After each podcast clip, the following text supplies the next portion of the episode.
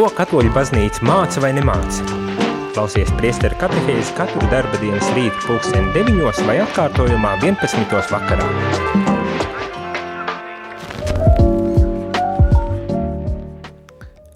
Labrīt, labrīt, rādījumā arī klausītāji, šeit es, priesteris Jānis Meļakovs, un šajā rītā priestera katehēze.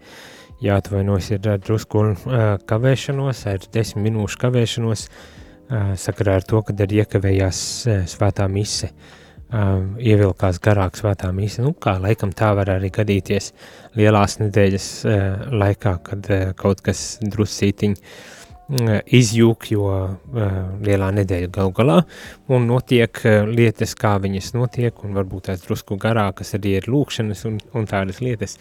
Bet, nu, šorīt esmu atpakaļ, es šeit, lai uh, šo katehēzi šajā rītā tādā vieglākā formā, ja tā var teikt, arī turpinātu. Vakar jau uzsāku runāt par to, ka, nu, kā, mums, kā mums varbūt tās izprast šo lielo nedēļu un vispār šīs lieldienas.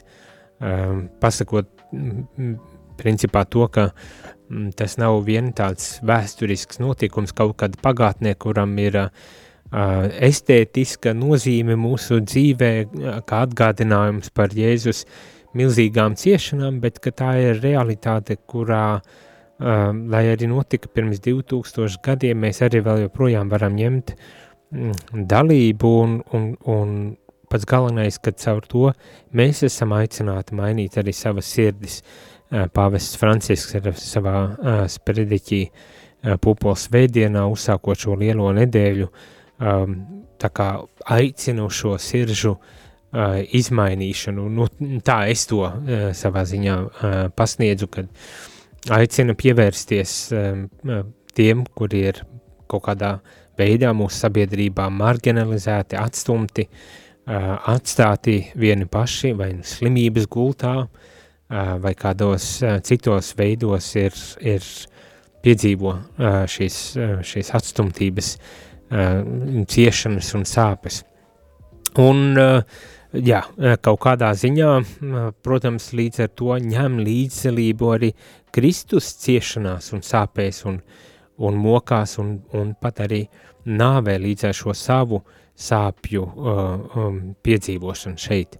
Ne? Un tās sirds uh, pārmainīšana, izmainīšana, transformācija ir ne, nepieciešama un tas ir tas, uz ko mēs arī uh, nu, tādā tuvākā, kā teikt, nākotnē varbūt tās esam, esam arī aicināti kā kristieši un tiešām uz šo siržu pārveidošanu, pārmainīšanu, lai, lai mēs varētu nu viens varbūt tās tiešām iemantot šo augšām celšanās apsolījumu, tas gan nevajadzētu to uztvert kā tādu, nu, ja man būs izmainīta sirds, tad tu varēsi augšām celties, ne, bet vai, vai, vai kā tādu mm, apbalvojumu dāvanu dabūsi e, par šo savu sirds izmainīšanu un labu uzvedību, e, taču augšām celšanos, bet e, tiešām tas ir kā tāds mm, ceļš, kuru mēs kā kristieši un kā ik viens cilvēks ir aicināts arī iet, lai, lai iemantotu to, pēc kā tiecas, un, un kurš, nu, kur, nu, kurš nu netiecas, piemēram, pēc, ja pateikt dieva, citam varbūt tās tas varētu šķist kā um, kaut kas tāds abstrakts un svešāds mūsdienu sabiedrībā, bet ja varētu pateikt, piemēram, mēs laimi, laimi ne tādā izpratnē, kā varbūt tās vienmēr mēs to iedomājamies, vai ne, bet uh, tomēr laimi, mūžīgu laimi, kuru uh, nu, nevar nekas cits nodrošināt, nevar ne nauda, ne, ne vara, ne kaut kādas kaislības vai tādas cilvēciskas lietas, bet tiešām kaut kas, kas sniedz pāri mums, pārdabisks, ko var nodrošināt varbūt tās tikai Dievs. Un tātad mēs esam aicināti iet šo ceļu un ik gadus varbūt tās atceroties un svinot šo lieldienu laiku, tāpat tās kā arī citus laikus, uh, ļauties tam nevis kā tādam vienkāršam, nu kā teikt, atzīmes punktam mūsu gada kalendārā, bet kā aicinājumam tiešām pievērsties pašam būtiskākajam mūsu katra dzīvē. Pievērsties tam būtiskākajam un, un nebaidīties varbūt tās ar uzņemties saistības, ko šie svētki, uz ko šie svētki mūs aicina. Tā kā jau es saku, piemēram, mēs šīs lieldienas, iespējams, ka mēs tiekam aicināti uz tādu dziļāku sirds pārmaiņu, uz tādu augšām celšanos, garīgā nozīmē tādu augšām celšanos uzņemties šīs saistības un, un tiešām arī piedzīvot uh, kaut ko no tās augšām celšanās. Bet uh, šajā rītā, kā jau es teicu, gribas arī tādā varbūt tās vienkāršākā formātā, nu ar to domājot, kad uh, šajās dienās līdz lieldienām nerunāšu par Vatikāna otrā koncila dokumentiem. Jūs jau droši vien labi zinat, kad šo sezonu uzsāku ar Vatikānu otro koncilu dokumentu lasīšanu. Un tas pamatojums bija pavisam vienkāršs. Um, man personīgi, to es arī skaidroju, uh, šķiet, ka bieži vien uh, mums arī baznīcā notiek tāda dalīšanās un šķelšanās uh, saistībā ar pāvestu Franciska uh, darbību, apgalvojumiem, izteicieniem un, un, un tiem virzieniem, kā pāvests Francisks baznīcu, nu, teiksim tā, vada. Un daļa uzskata, ka viņš ir milzīgs revolucionārs un cenšas tagad, kā teikt, samaitāt baznīcas pato, patieso mācību un, un, un, un, un ir pārāk uh, pievērsies uh, cilvēkam vai, vai pasaulē un problemātikai. Uh, un man gribējās vienkārši ar šo dokumentu lasīšanu pateikt un parādīt, Pāvis Francisks nedara neko pilnīgi neko jaunu. Uh, viņš viņš uh, cenšas īstenot to, ko pirms 60 gadiem Vatikāna otrā koncila, um, kā teikt, bīskapi un, un teologi un, un, un pāvests un, un, un Vatikāna otrā koncila dokumenti jau ir uzrakstījuši un tā kā man piedāvājuši kā, nevis piedāvājuši, bet uzstājuši skaidrojot baznīcu un baznīcas mācību par lietām. Tā kā pāvests Francisks tikai cenšas uh, kā teikt, ie, neievies, bet tā kā uh, pieļaut, aicināt, aicina, un, lai šīs, šī mācība, ko jau pirms 60 gadiem baznīca ir aprakstījusi, uzrakstījusi Vatikāna dokumentos, arī tiktu īstenota beidzot, uh, lai mēs nepārskrienam pāri uh, tā pavierša, bet lai tiešām pievēršamies visam tam, ko šis koncils mums ir atstājis mantojumā.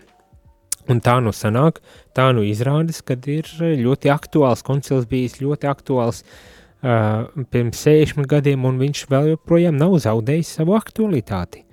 Runājot par lietām, kas mūs, mūsu laiku sabiedrībā ir būtisks, aktuāls, turklāt arī runājot par lietām, kas arī mums pašiem, kā baznīcai, kā, kā Kristus sekotājiem, ir ļoti būtiskas un aktuālas. Nu, ko es ar to domāju? Uh, piemēram, mēs, kā mēs saprotam baznīcu, kas ir baznīca, vai ne?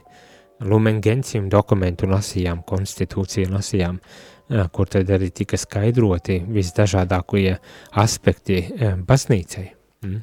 Vai gaudījumi spēs par attiecībām ar mūsu laiku moderno pasauli, kā baznīcai būtu, kā baznīca var būt daļa no šīs pasaules un pildīt eh, savu misiju, pildīt to uzdevumu, kas ir uzticēts eh, baznīca, vest eh, savā ziņā cilvēkus pie, pie Dieva. Kā to darīt mūsu laiku, pat arī sarežģītā situācijā. Un kā būt kristietim šajā pašā sarežģītajā situācijā. Tas nav nekas jauns, tas viss ir, pat gribas teikt, vecs, vecs un, un, un uh, daudz un dikti jau runāts un spriests, bet eh, neskādēļ mm, tagad eh, pāvesta, eh, pāvesta, kā teikt, darbība tiek uztvērta kā šausmīgi revolucionāra.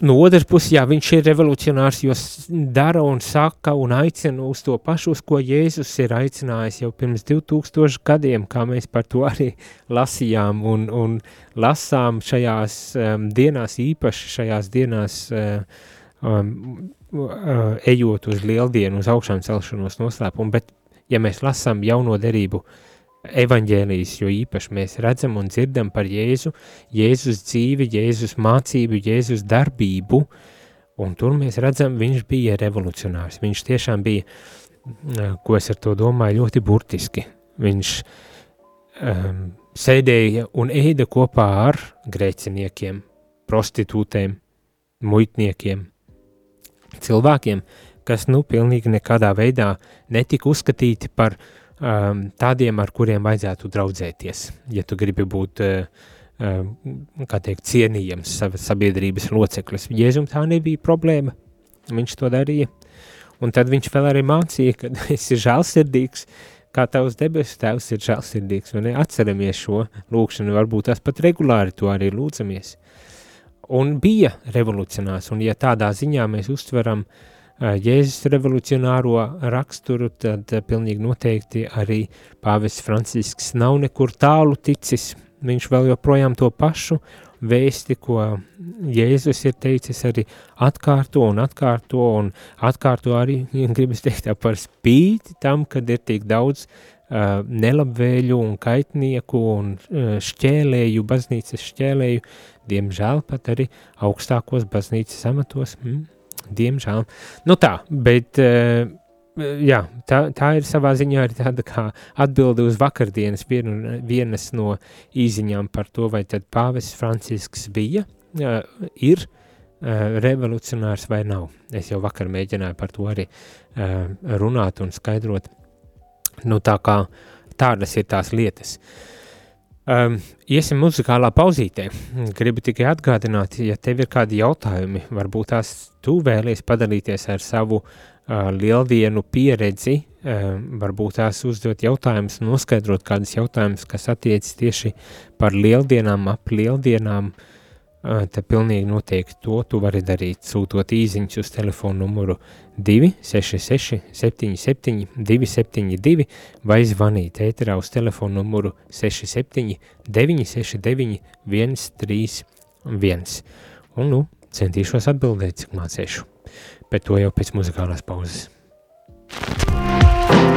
Jūs klausāties priesteru katehēzi par ticību, baznīcu, garīgo dzīvi.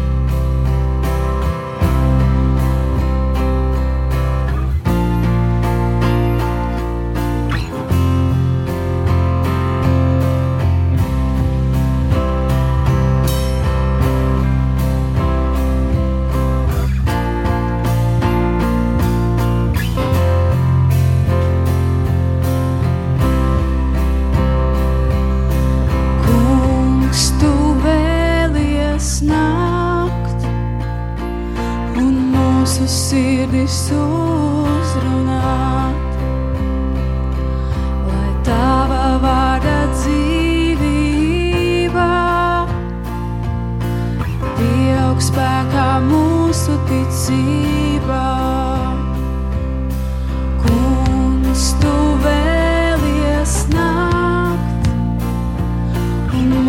esi ar mums.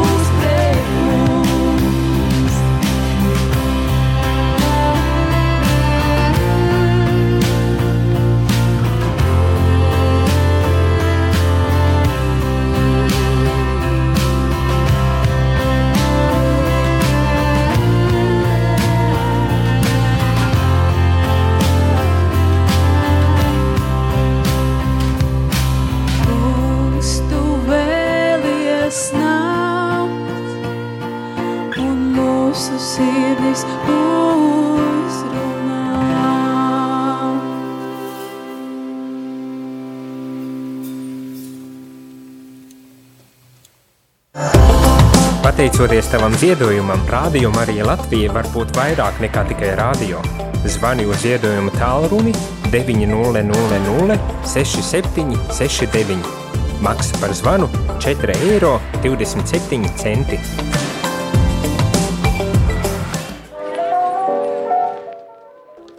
Labrīt, labrīt, rādījumā arī klausītāji esmu atpakaļ. Priesteris Jānis Meļiekaus šajā rīta katehēzē drusku citādākā no ierastām katehēzēm, jo nerunāju un nelasu Vatikāna otrā koncila dokumentus, bet šajā reizē tā ļoti brīvā formātā piedāvāja atbildēt uz jautājumiem par uh, tiem, kas saistīti ar lieldienām, ar augšām celšanos, ar tādām lietām.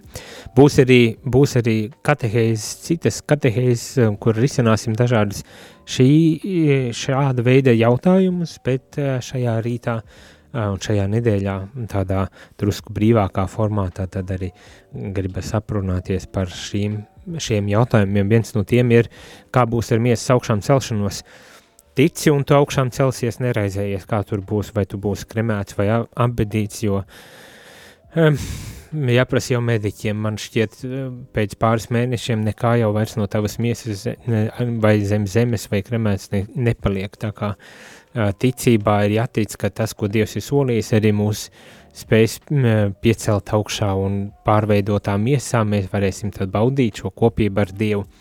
Es saprotu, ka tā ir milzīga ka teikt, zināšanu izaicināšana, ņemot vērā to, ka mēs jau droši vien esam pieraduši, ka no nekā nekas nevar rasties, bet, nu, runājam par Dievu galu galā. Tā kā paļaujamies, paļaujamies uz to, ka Dievs tad mācīs un piecels mūs augšā neatkarīgi no kādiem stāvokļiem mēs tur arī atradīsimies. Galvenais ticībā. Kremēšana, kā daudz un dikti ir dzirdēts, nekas slikts nav, ja tas nav ar mērķi tā kā pret ticības patiesību par miesas augšām celšanos darīts, tā kā nereizējamies. Galvenais ticam, galvenais ticam, un tad jau viss būs labi. Bet tagad man gribējās aprunāties, tā kā vairāk neviens nav iesūtījis īziņas, tad tagad man gribējās aprunāties par tādu aktuālu tematiku, kas nu, nav tiešā veidā patiesībā nemaz saistīta ar lieldienām, bet kas, manuprāt, ir ārkārtīgi, ārkārtīga uh, svarīga un būtiska, un es arī nepretendēju uz to, ka es uzreiz atbildēšu. Es domāju, ka šī būtu tematika, kas man pašam interesētu un gribētos atgriezties pie uh, šīs tematikas, uh, bet varbūt tās var uzsākt jau šajā rītā. Ļoti iespējams, ka esat pamanījuši vai bijāt pamanījuši, bijāt, visdrīzākais bijāt, ja tie no jums, kas varbūt seko līdz um, Delfiem, mm, negribu reklamēt, kā teikt, šo mēdīju īpaši, bet vienmēr sakot, ir tāds Aidis Tomsons un ir uzrakstījis tādu viedokļa rakstiņu, ticības nedziedināmā trauma.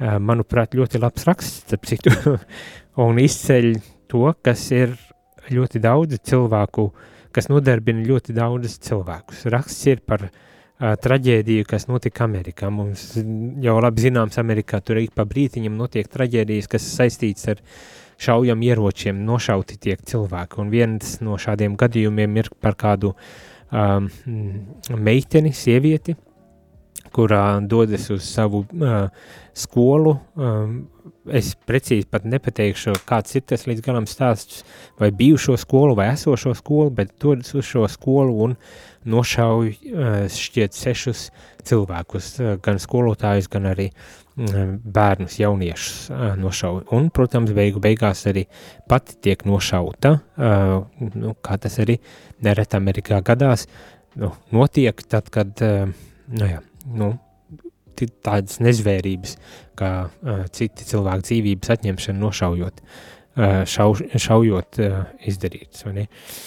Un tad, protams, atklājas, kad, kad uh, tā ir uh, kristīga skola un, un, un kad uh, šī jauniete vai sieviete ir uh, transpersona, uh, tad, tad uh, es tā sapratu, laikam nomainījusi, mainījusi savu dzimumu vai, vai kā ir bijis, un uh, Un kad eh, nu, tiek rakstīts par to, ka eh, nu jā, tā kristīgajā skolā piedzīvotā trauma ir bijusi um, tik uh, liela un, un sāpīga, ka uh, tagad tāda kā atriepšanās bez maz vai notiek, cik es tā sapratu no tā raksta. Uh, ne? Man jau šķiet, ka uh, Nu, protams, ka tas ir būtisks, eh, būtisks, eh, būtisks fakts, apstākļus, eh, tas, kādā veidā tas ir noticis un, un kāpēc tas ir noticis, bet man šita vēl būtiskāk ir tie jautājumi, ko uh, žurnālists uzdod uh, un uh, kurus viņš tā kā pat nerisina, bet vienkārši uzdod un norāda uz jautājumiem, kas uh, šķiet ir tik ārkārtīgi uh, būtiski. Un tāpēc es arī gribu šos jautājumus vai, vai šīs viņa atziņas pārcitēt, nocitēt, atsaukt atmiņā. Ja tiem, kuri zina, tiem, kuri nezina, tad tas ir kaut kas jauns. Vai ne? Tātad jauna meitene ieiet skolā, apšauj sešus cilvēkus, arī pašu, beigās policija nošauj, un tā ir kristīga skola, un šī uh, sieviete uh, ir uh, transpersona, un, un tas tiek izdarīts um, it kā tās iegūtās traumas šajā skolā um, dēļ un kristīgās mācības, kā, kā raksta uh, žurnālists, um, kā raksta žurnālists um, Tomsons, kad it kā šīs kristīgās vides un kristīgās um, mācības dēļ, nu tā es tā noprotu, tā pārstāst, varbūt tās ir kļūdos, ja gadījumā kas tad dodiet man kādu uh, ziņu. Bet uh, vienmēr sakot, un uh, pēc tā visa um, šajā, šajā rakstā, šajā uh, traģēdijā, uh, tad žurnālists Thompsons saka, nu kā tas nākas, kad uh, Jēzus ir mācījis līdzcietību, iecietību, um, atvērtību pret uh, sabiedrības um, nesaprastajiem, atstumtajiem, nosodītajiem, uh, par ko pats Jēzus beigu beigās arī tiek uh, piesist krustā un par ko viņš arī mirst, mirst, mirst. Un tad ir jautājums, kāpēc tā ir sanācis, ka mūsdienās viņa sekotāji vairs nezin vai nespēja vai negrib pasniegt roku tiem, kas savulaik bija Jēzus lielākie draugi. Um, tā viens no jautājumiem. Viņš arī turpina un, un atzīst, ka redz visdažādākos tādus, nu, nedziedināmās traumas, kas eh, tādā kristīgā vidē varbūt tās rodas.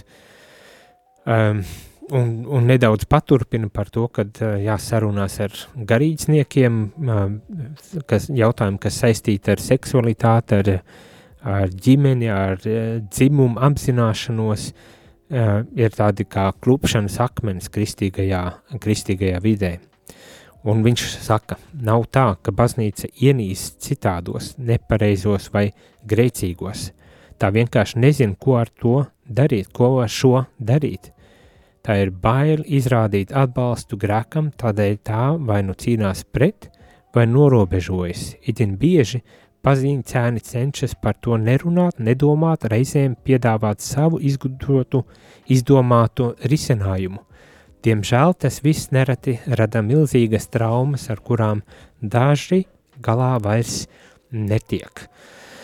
Nu jā, kāpēc es šito visu, mm, teikt, lasu un, un, un, un atsaucos uz šo, uz šo rakstu?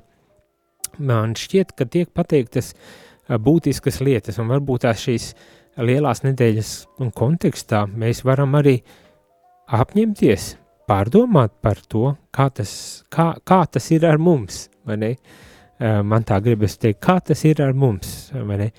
Kā tas ir ar mums, vai mēs tiešām uh, sekojot Jēzum, kaut kur nesam kaut ko, es saku, man nav atbildes, kaut ko pazaudējuši, un kā rezultātā mēs um, varbūt tās tādu neiecietību un, un, un, un pat kaut kādu ļaunumu um, esam spējīgi izrādīt pret to, kas ir citādāks, varbūt tās pēdiņas uh, nepieņemams vai pat grēcīgs, kā tas nākas, kad, eh, kad jā, mēs spējam jau attaisnot uh, ļaunumu un neiecietību pret otru cilvēku, uh, it kā savā tic, ticībā balstoties.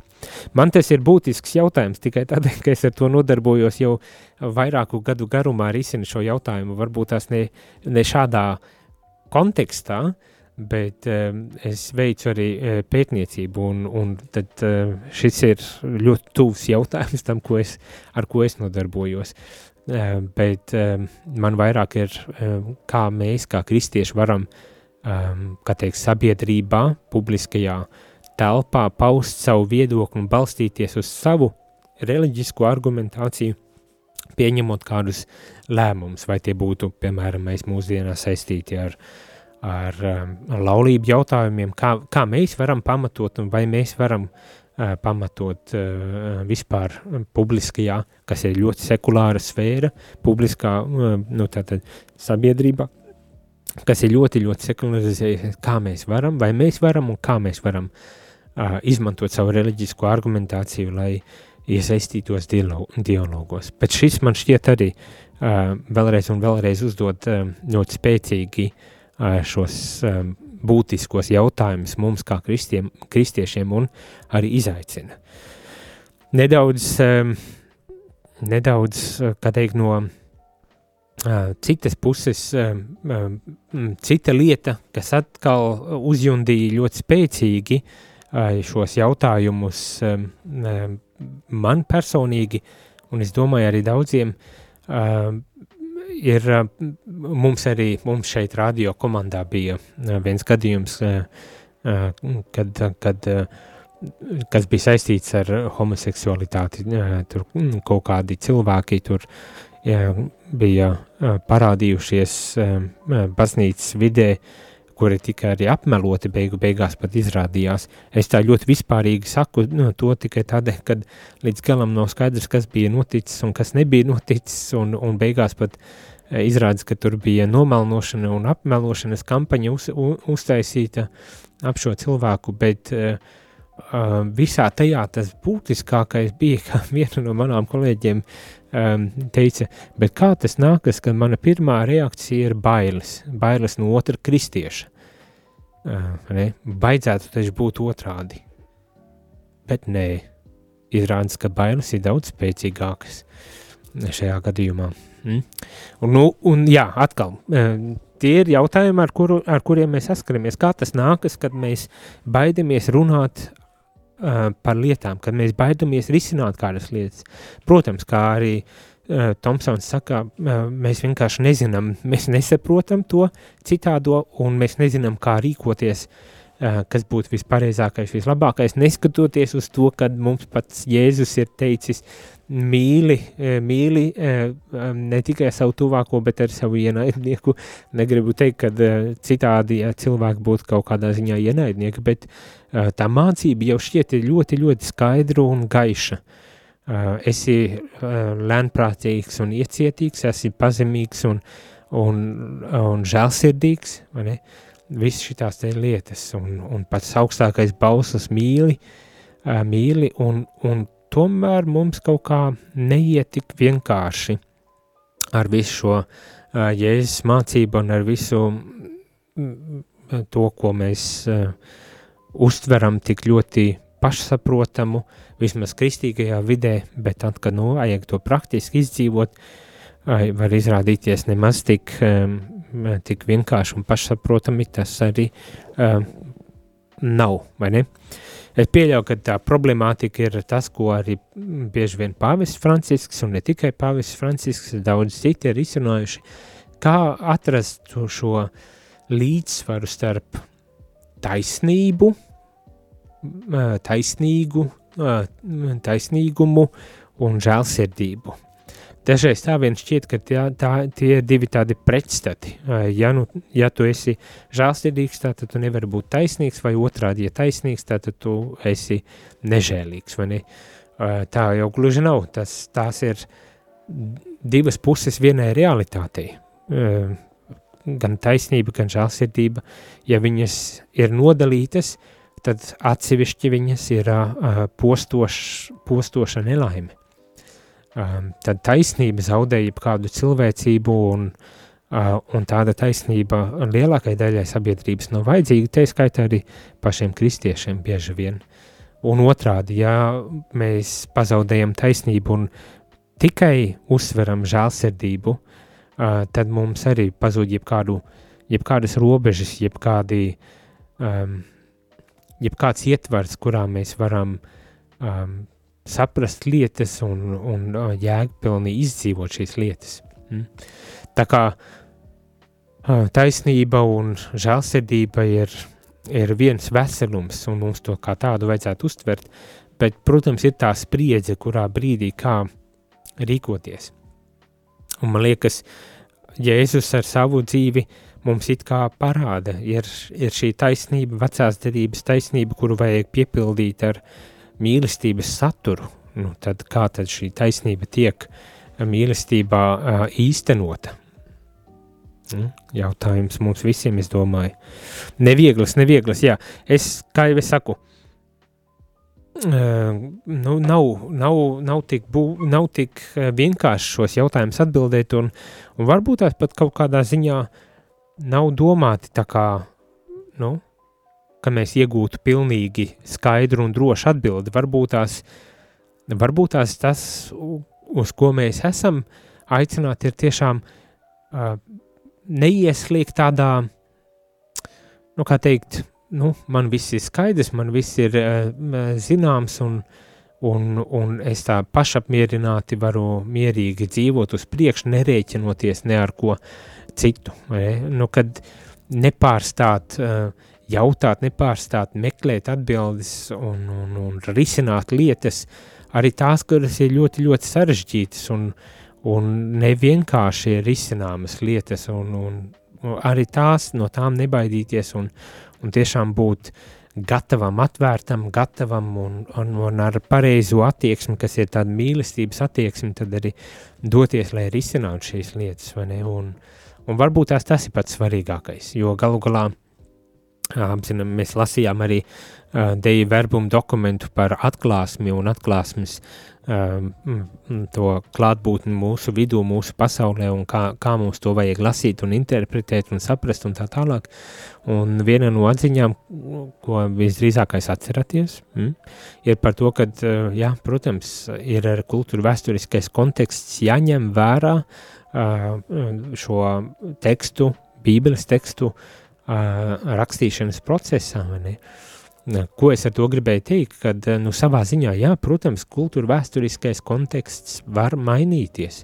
Un tas savukārt nozīmē, ka tā patiesība, kas ir ietverta Bībelē, ir, ir jāmēģina atrast arī šajos mūsu laika izaicinājumos. Un to mēs varam izdarīt tikai tad, ja mēs tiešām arī esam gatavi to darīt, runāt, iesaistīties attiecībās ar līdz cilvēkiem, runāt un meklēt šīs atbildes un, un skaidrot arī šo patiesību, skaidrot arī šo patiesību. Mm. Jā, nevienkārši uzdevums. Atkārtojos un atkārtojot, bet man liekas ārkārtīgi būtisks uh, uzdevums, kas mums ir uzticēts. Uh, ir kādas īziņas pienākušas, un tad varbūt tās arī nolasīšu. Slavēts Kristus, pāvests Francisks droši sludina evaņģēliju, lai pamodinātu snaudošo farizeisko baznīcu, kur kalpo bez tuvāk mīlestības, kā piemēram pie mums. Um, nav no, norādīts uh, pilnīgi vieta un tā tālāk, bet nu jā, kur kalpo bez tuvāk mīlestības, nu es ceru, ka tā negluži arī nav, ka pilnīgi nav nekādas tuvāk mīlestības. Um, tā, nu, saprotiet, ši, šī ir tā lieta, kas, kas nav vienkārši, ne, kur, kas ko uztver kā tuvāk mīlestību un kas ko kā tādu nežēlīgu taisnības kalpojumu varbūt tās uztver. Tas, jā, tas vienmēr tas ir tāds arī katra cilvēka garīgais, garīgais ceļš un process, un, un, un arī priestera kalpojumā arī tas pats, mēs visi mācamies tiešām būt aizvien līdzīgāki Kristumu un, un atspoguļot savā darbībā un mācībā arī e, Kristu, gan kā mīlošo, žēlsirdīgo, gan arī kā, kā taisnīgo, taisnīgo, e, kurš pasludina e, šo e, patiesību, teiksim tā. Labdien! Ko lai atbild cilvēkam, kā Ieva nav pirmā bībeles sieviete ļoti apjuku? Paldies, ja atbildēsiet. Jā, man jau principā šķiet, nu, nav nekādas īpaši lielas nozīmes. Bija vai nebija pirmā sieviete. Galvenais šis stāsts ir ne jau tikai par to, vai vista vai, vai ola bija pirmais vai kaut kas samlīdzīgs. Tas, tas pavisam par kaut ko citu. Varbūt tās jāpameklē ir grāmatas un jāpalasa par to, ko tas varētu vairāk nozīmēt, vai ne?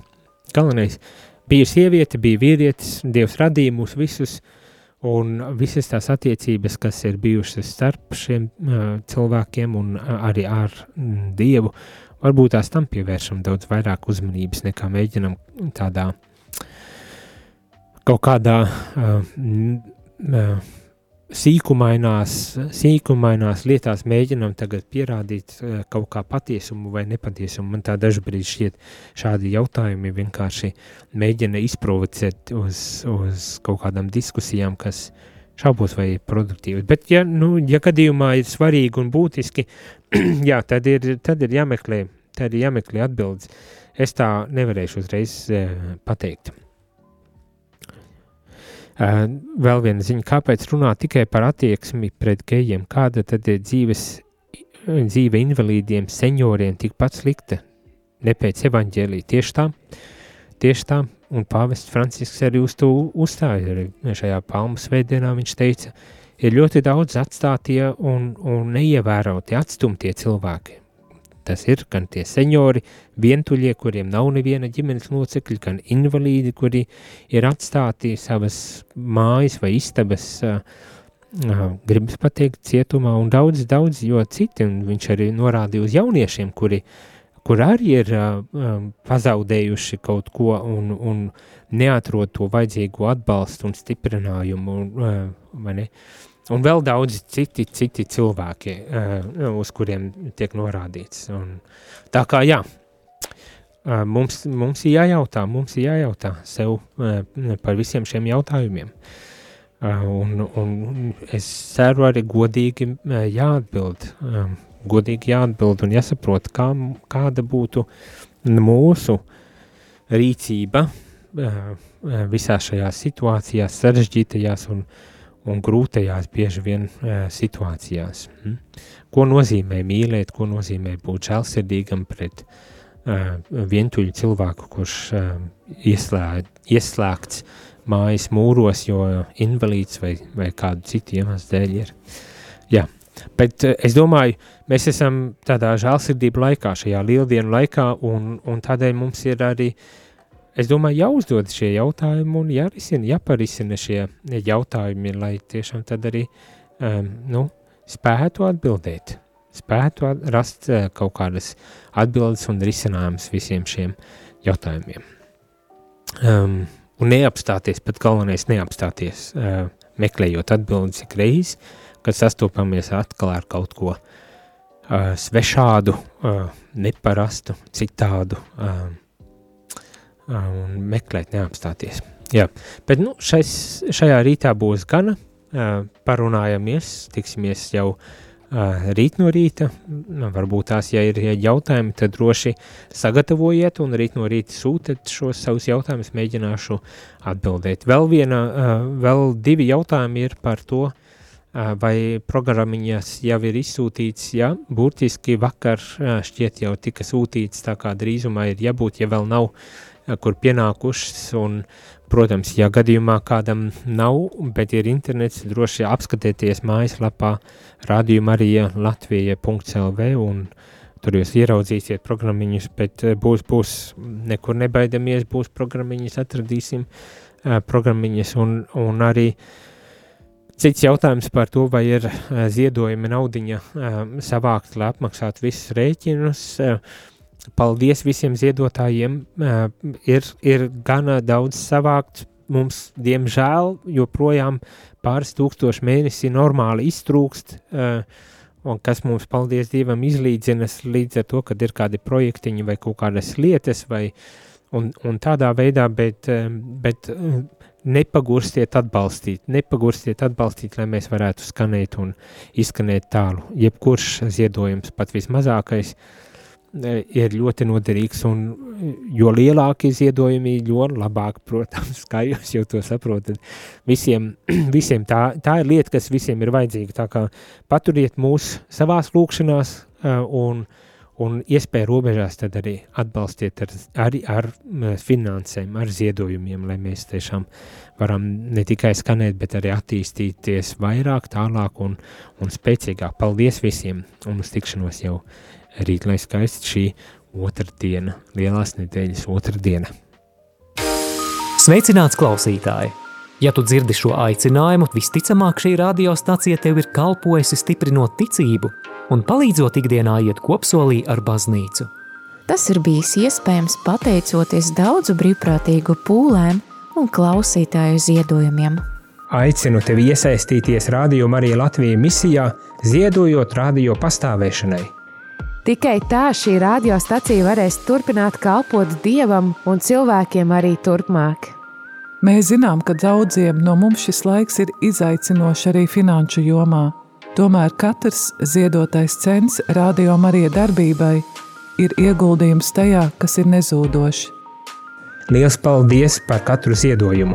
Lūdzamies jūsu nodomos ar apakstuļa Pāvila vārdiem, lai Dievs dod jums visādu žēlastību ka jums ar vienu ir pilnīga iztikšana un vēl pietiekoši pāri paliek labiem darbiem.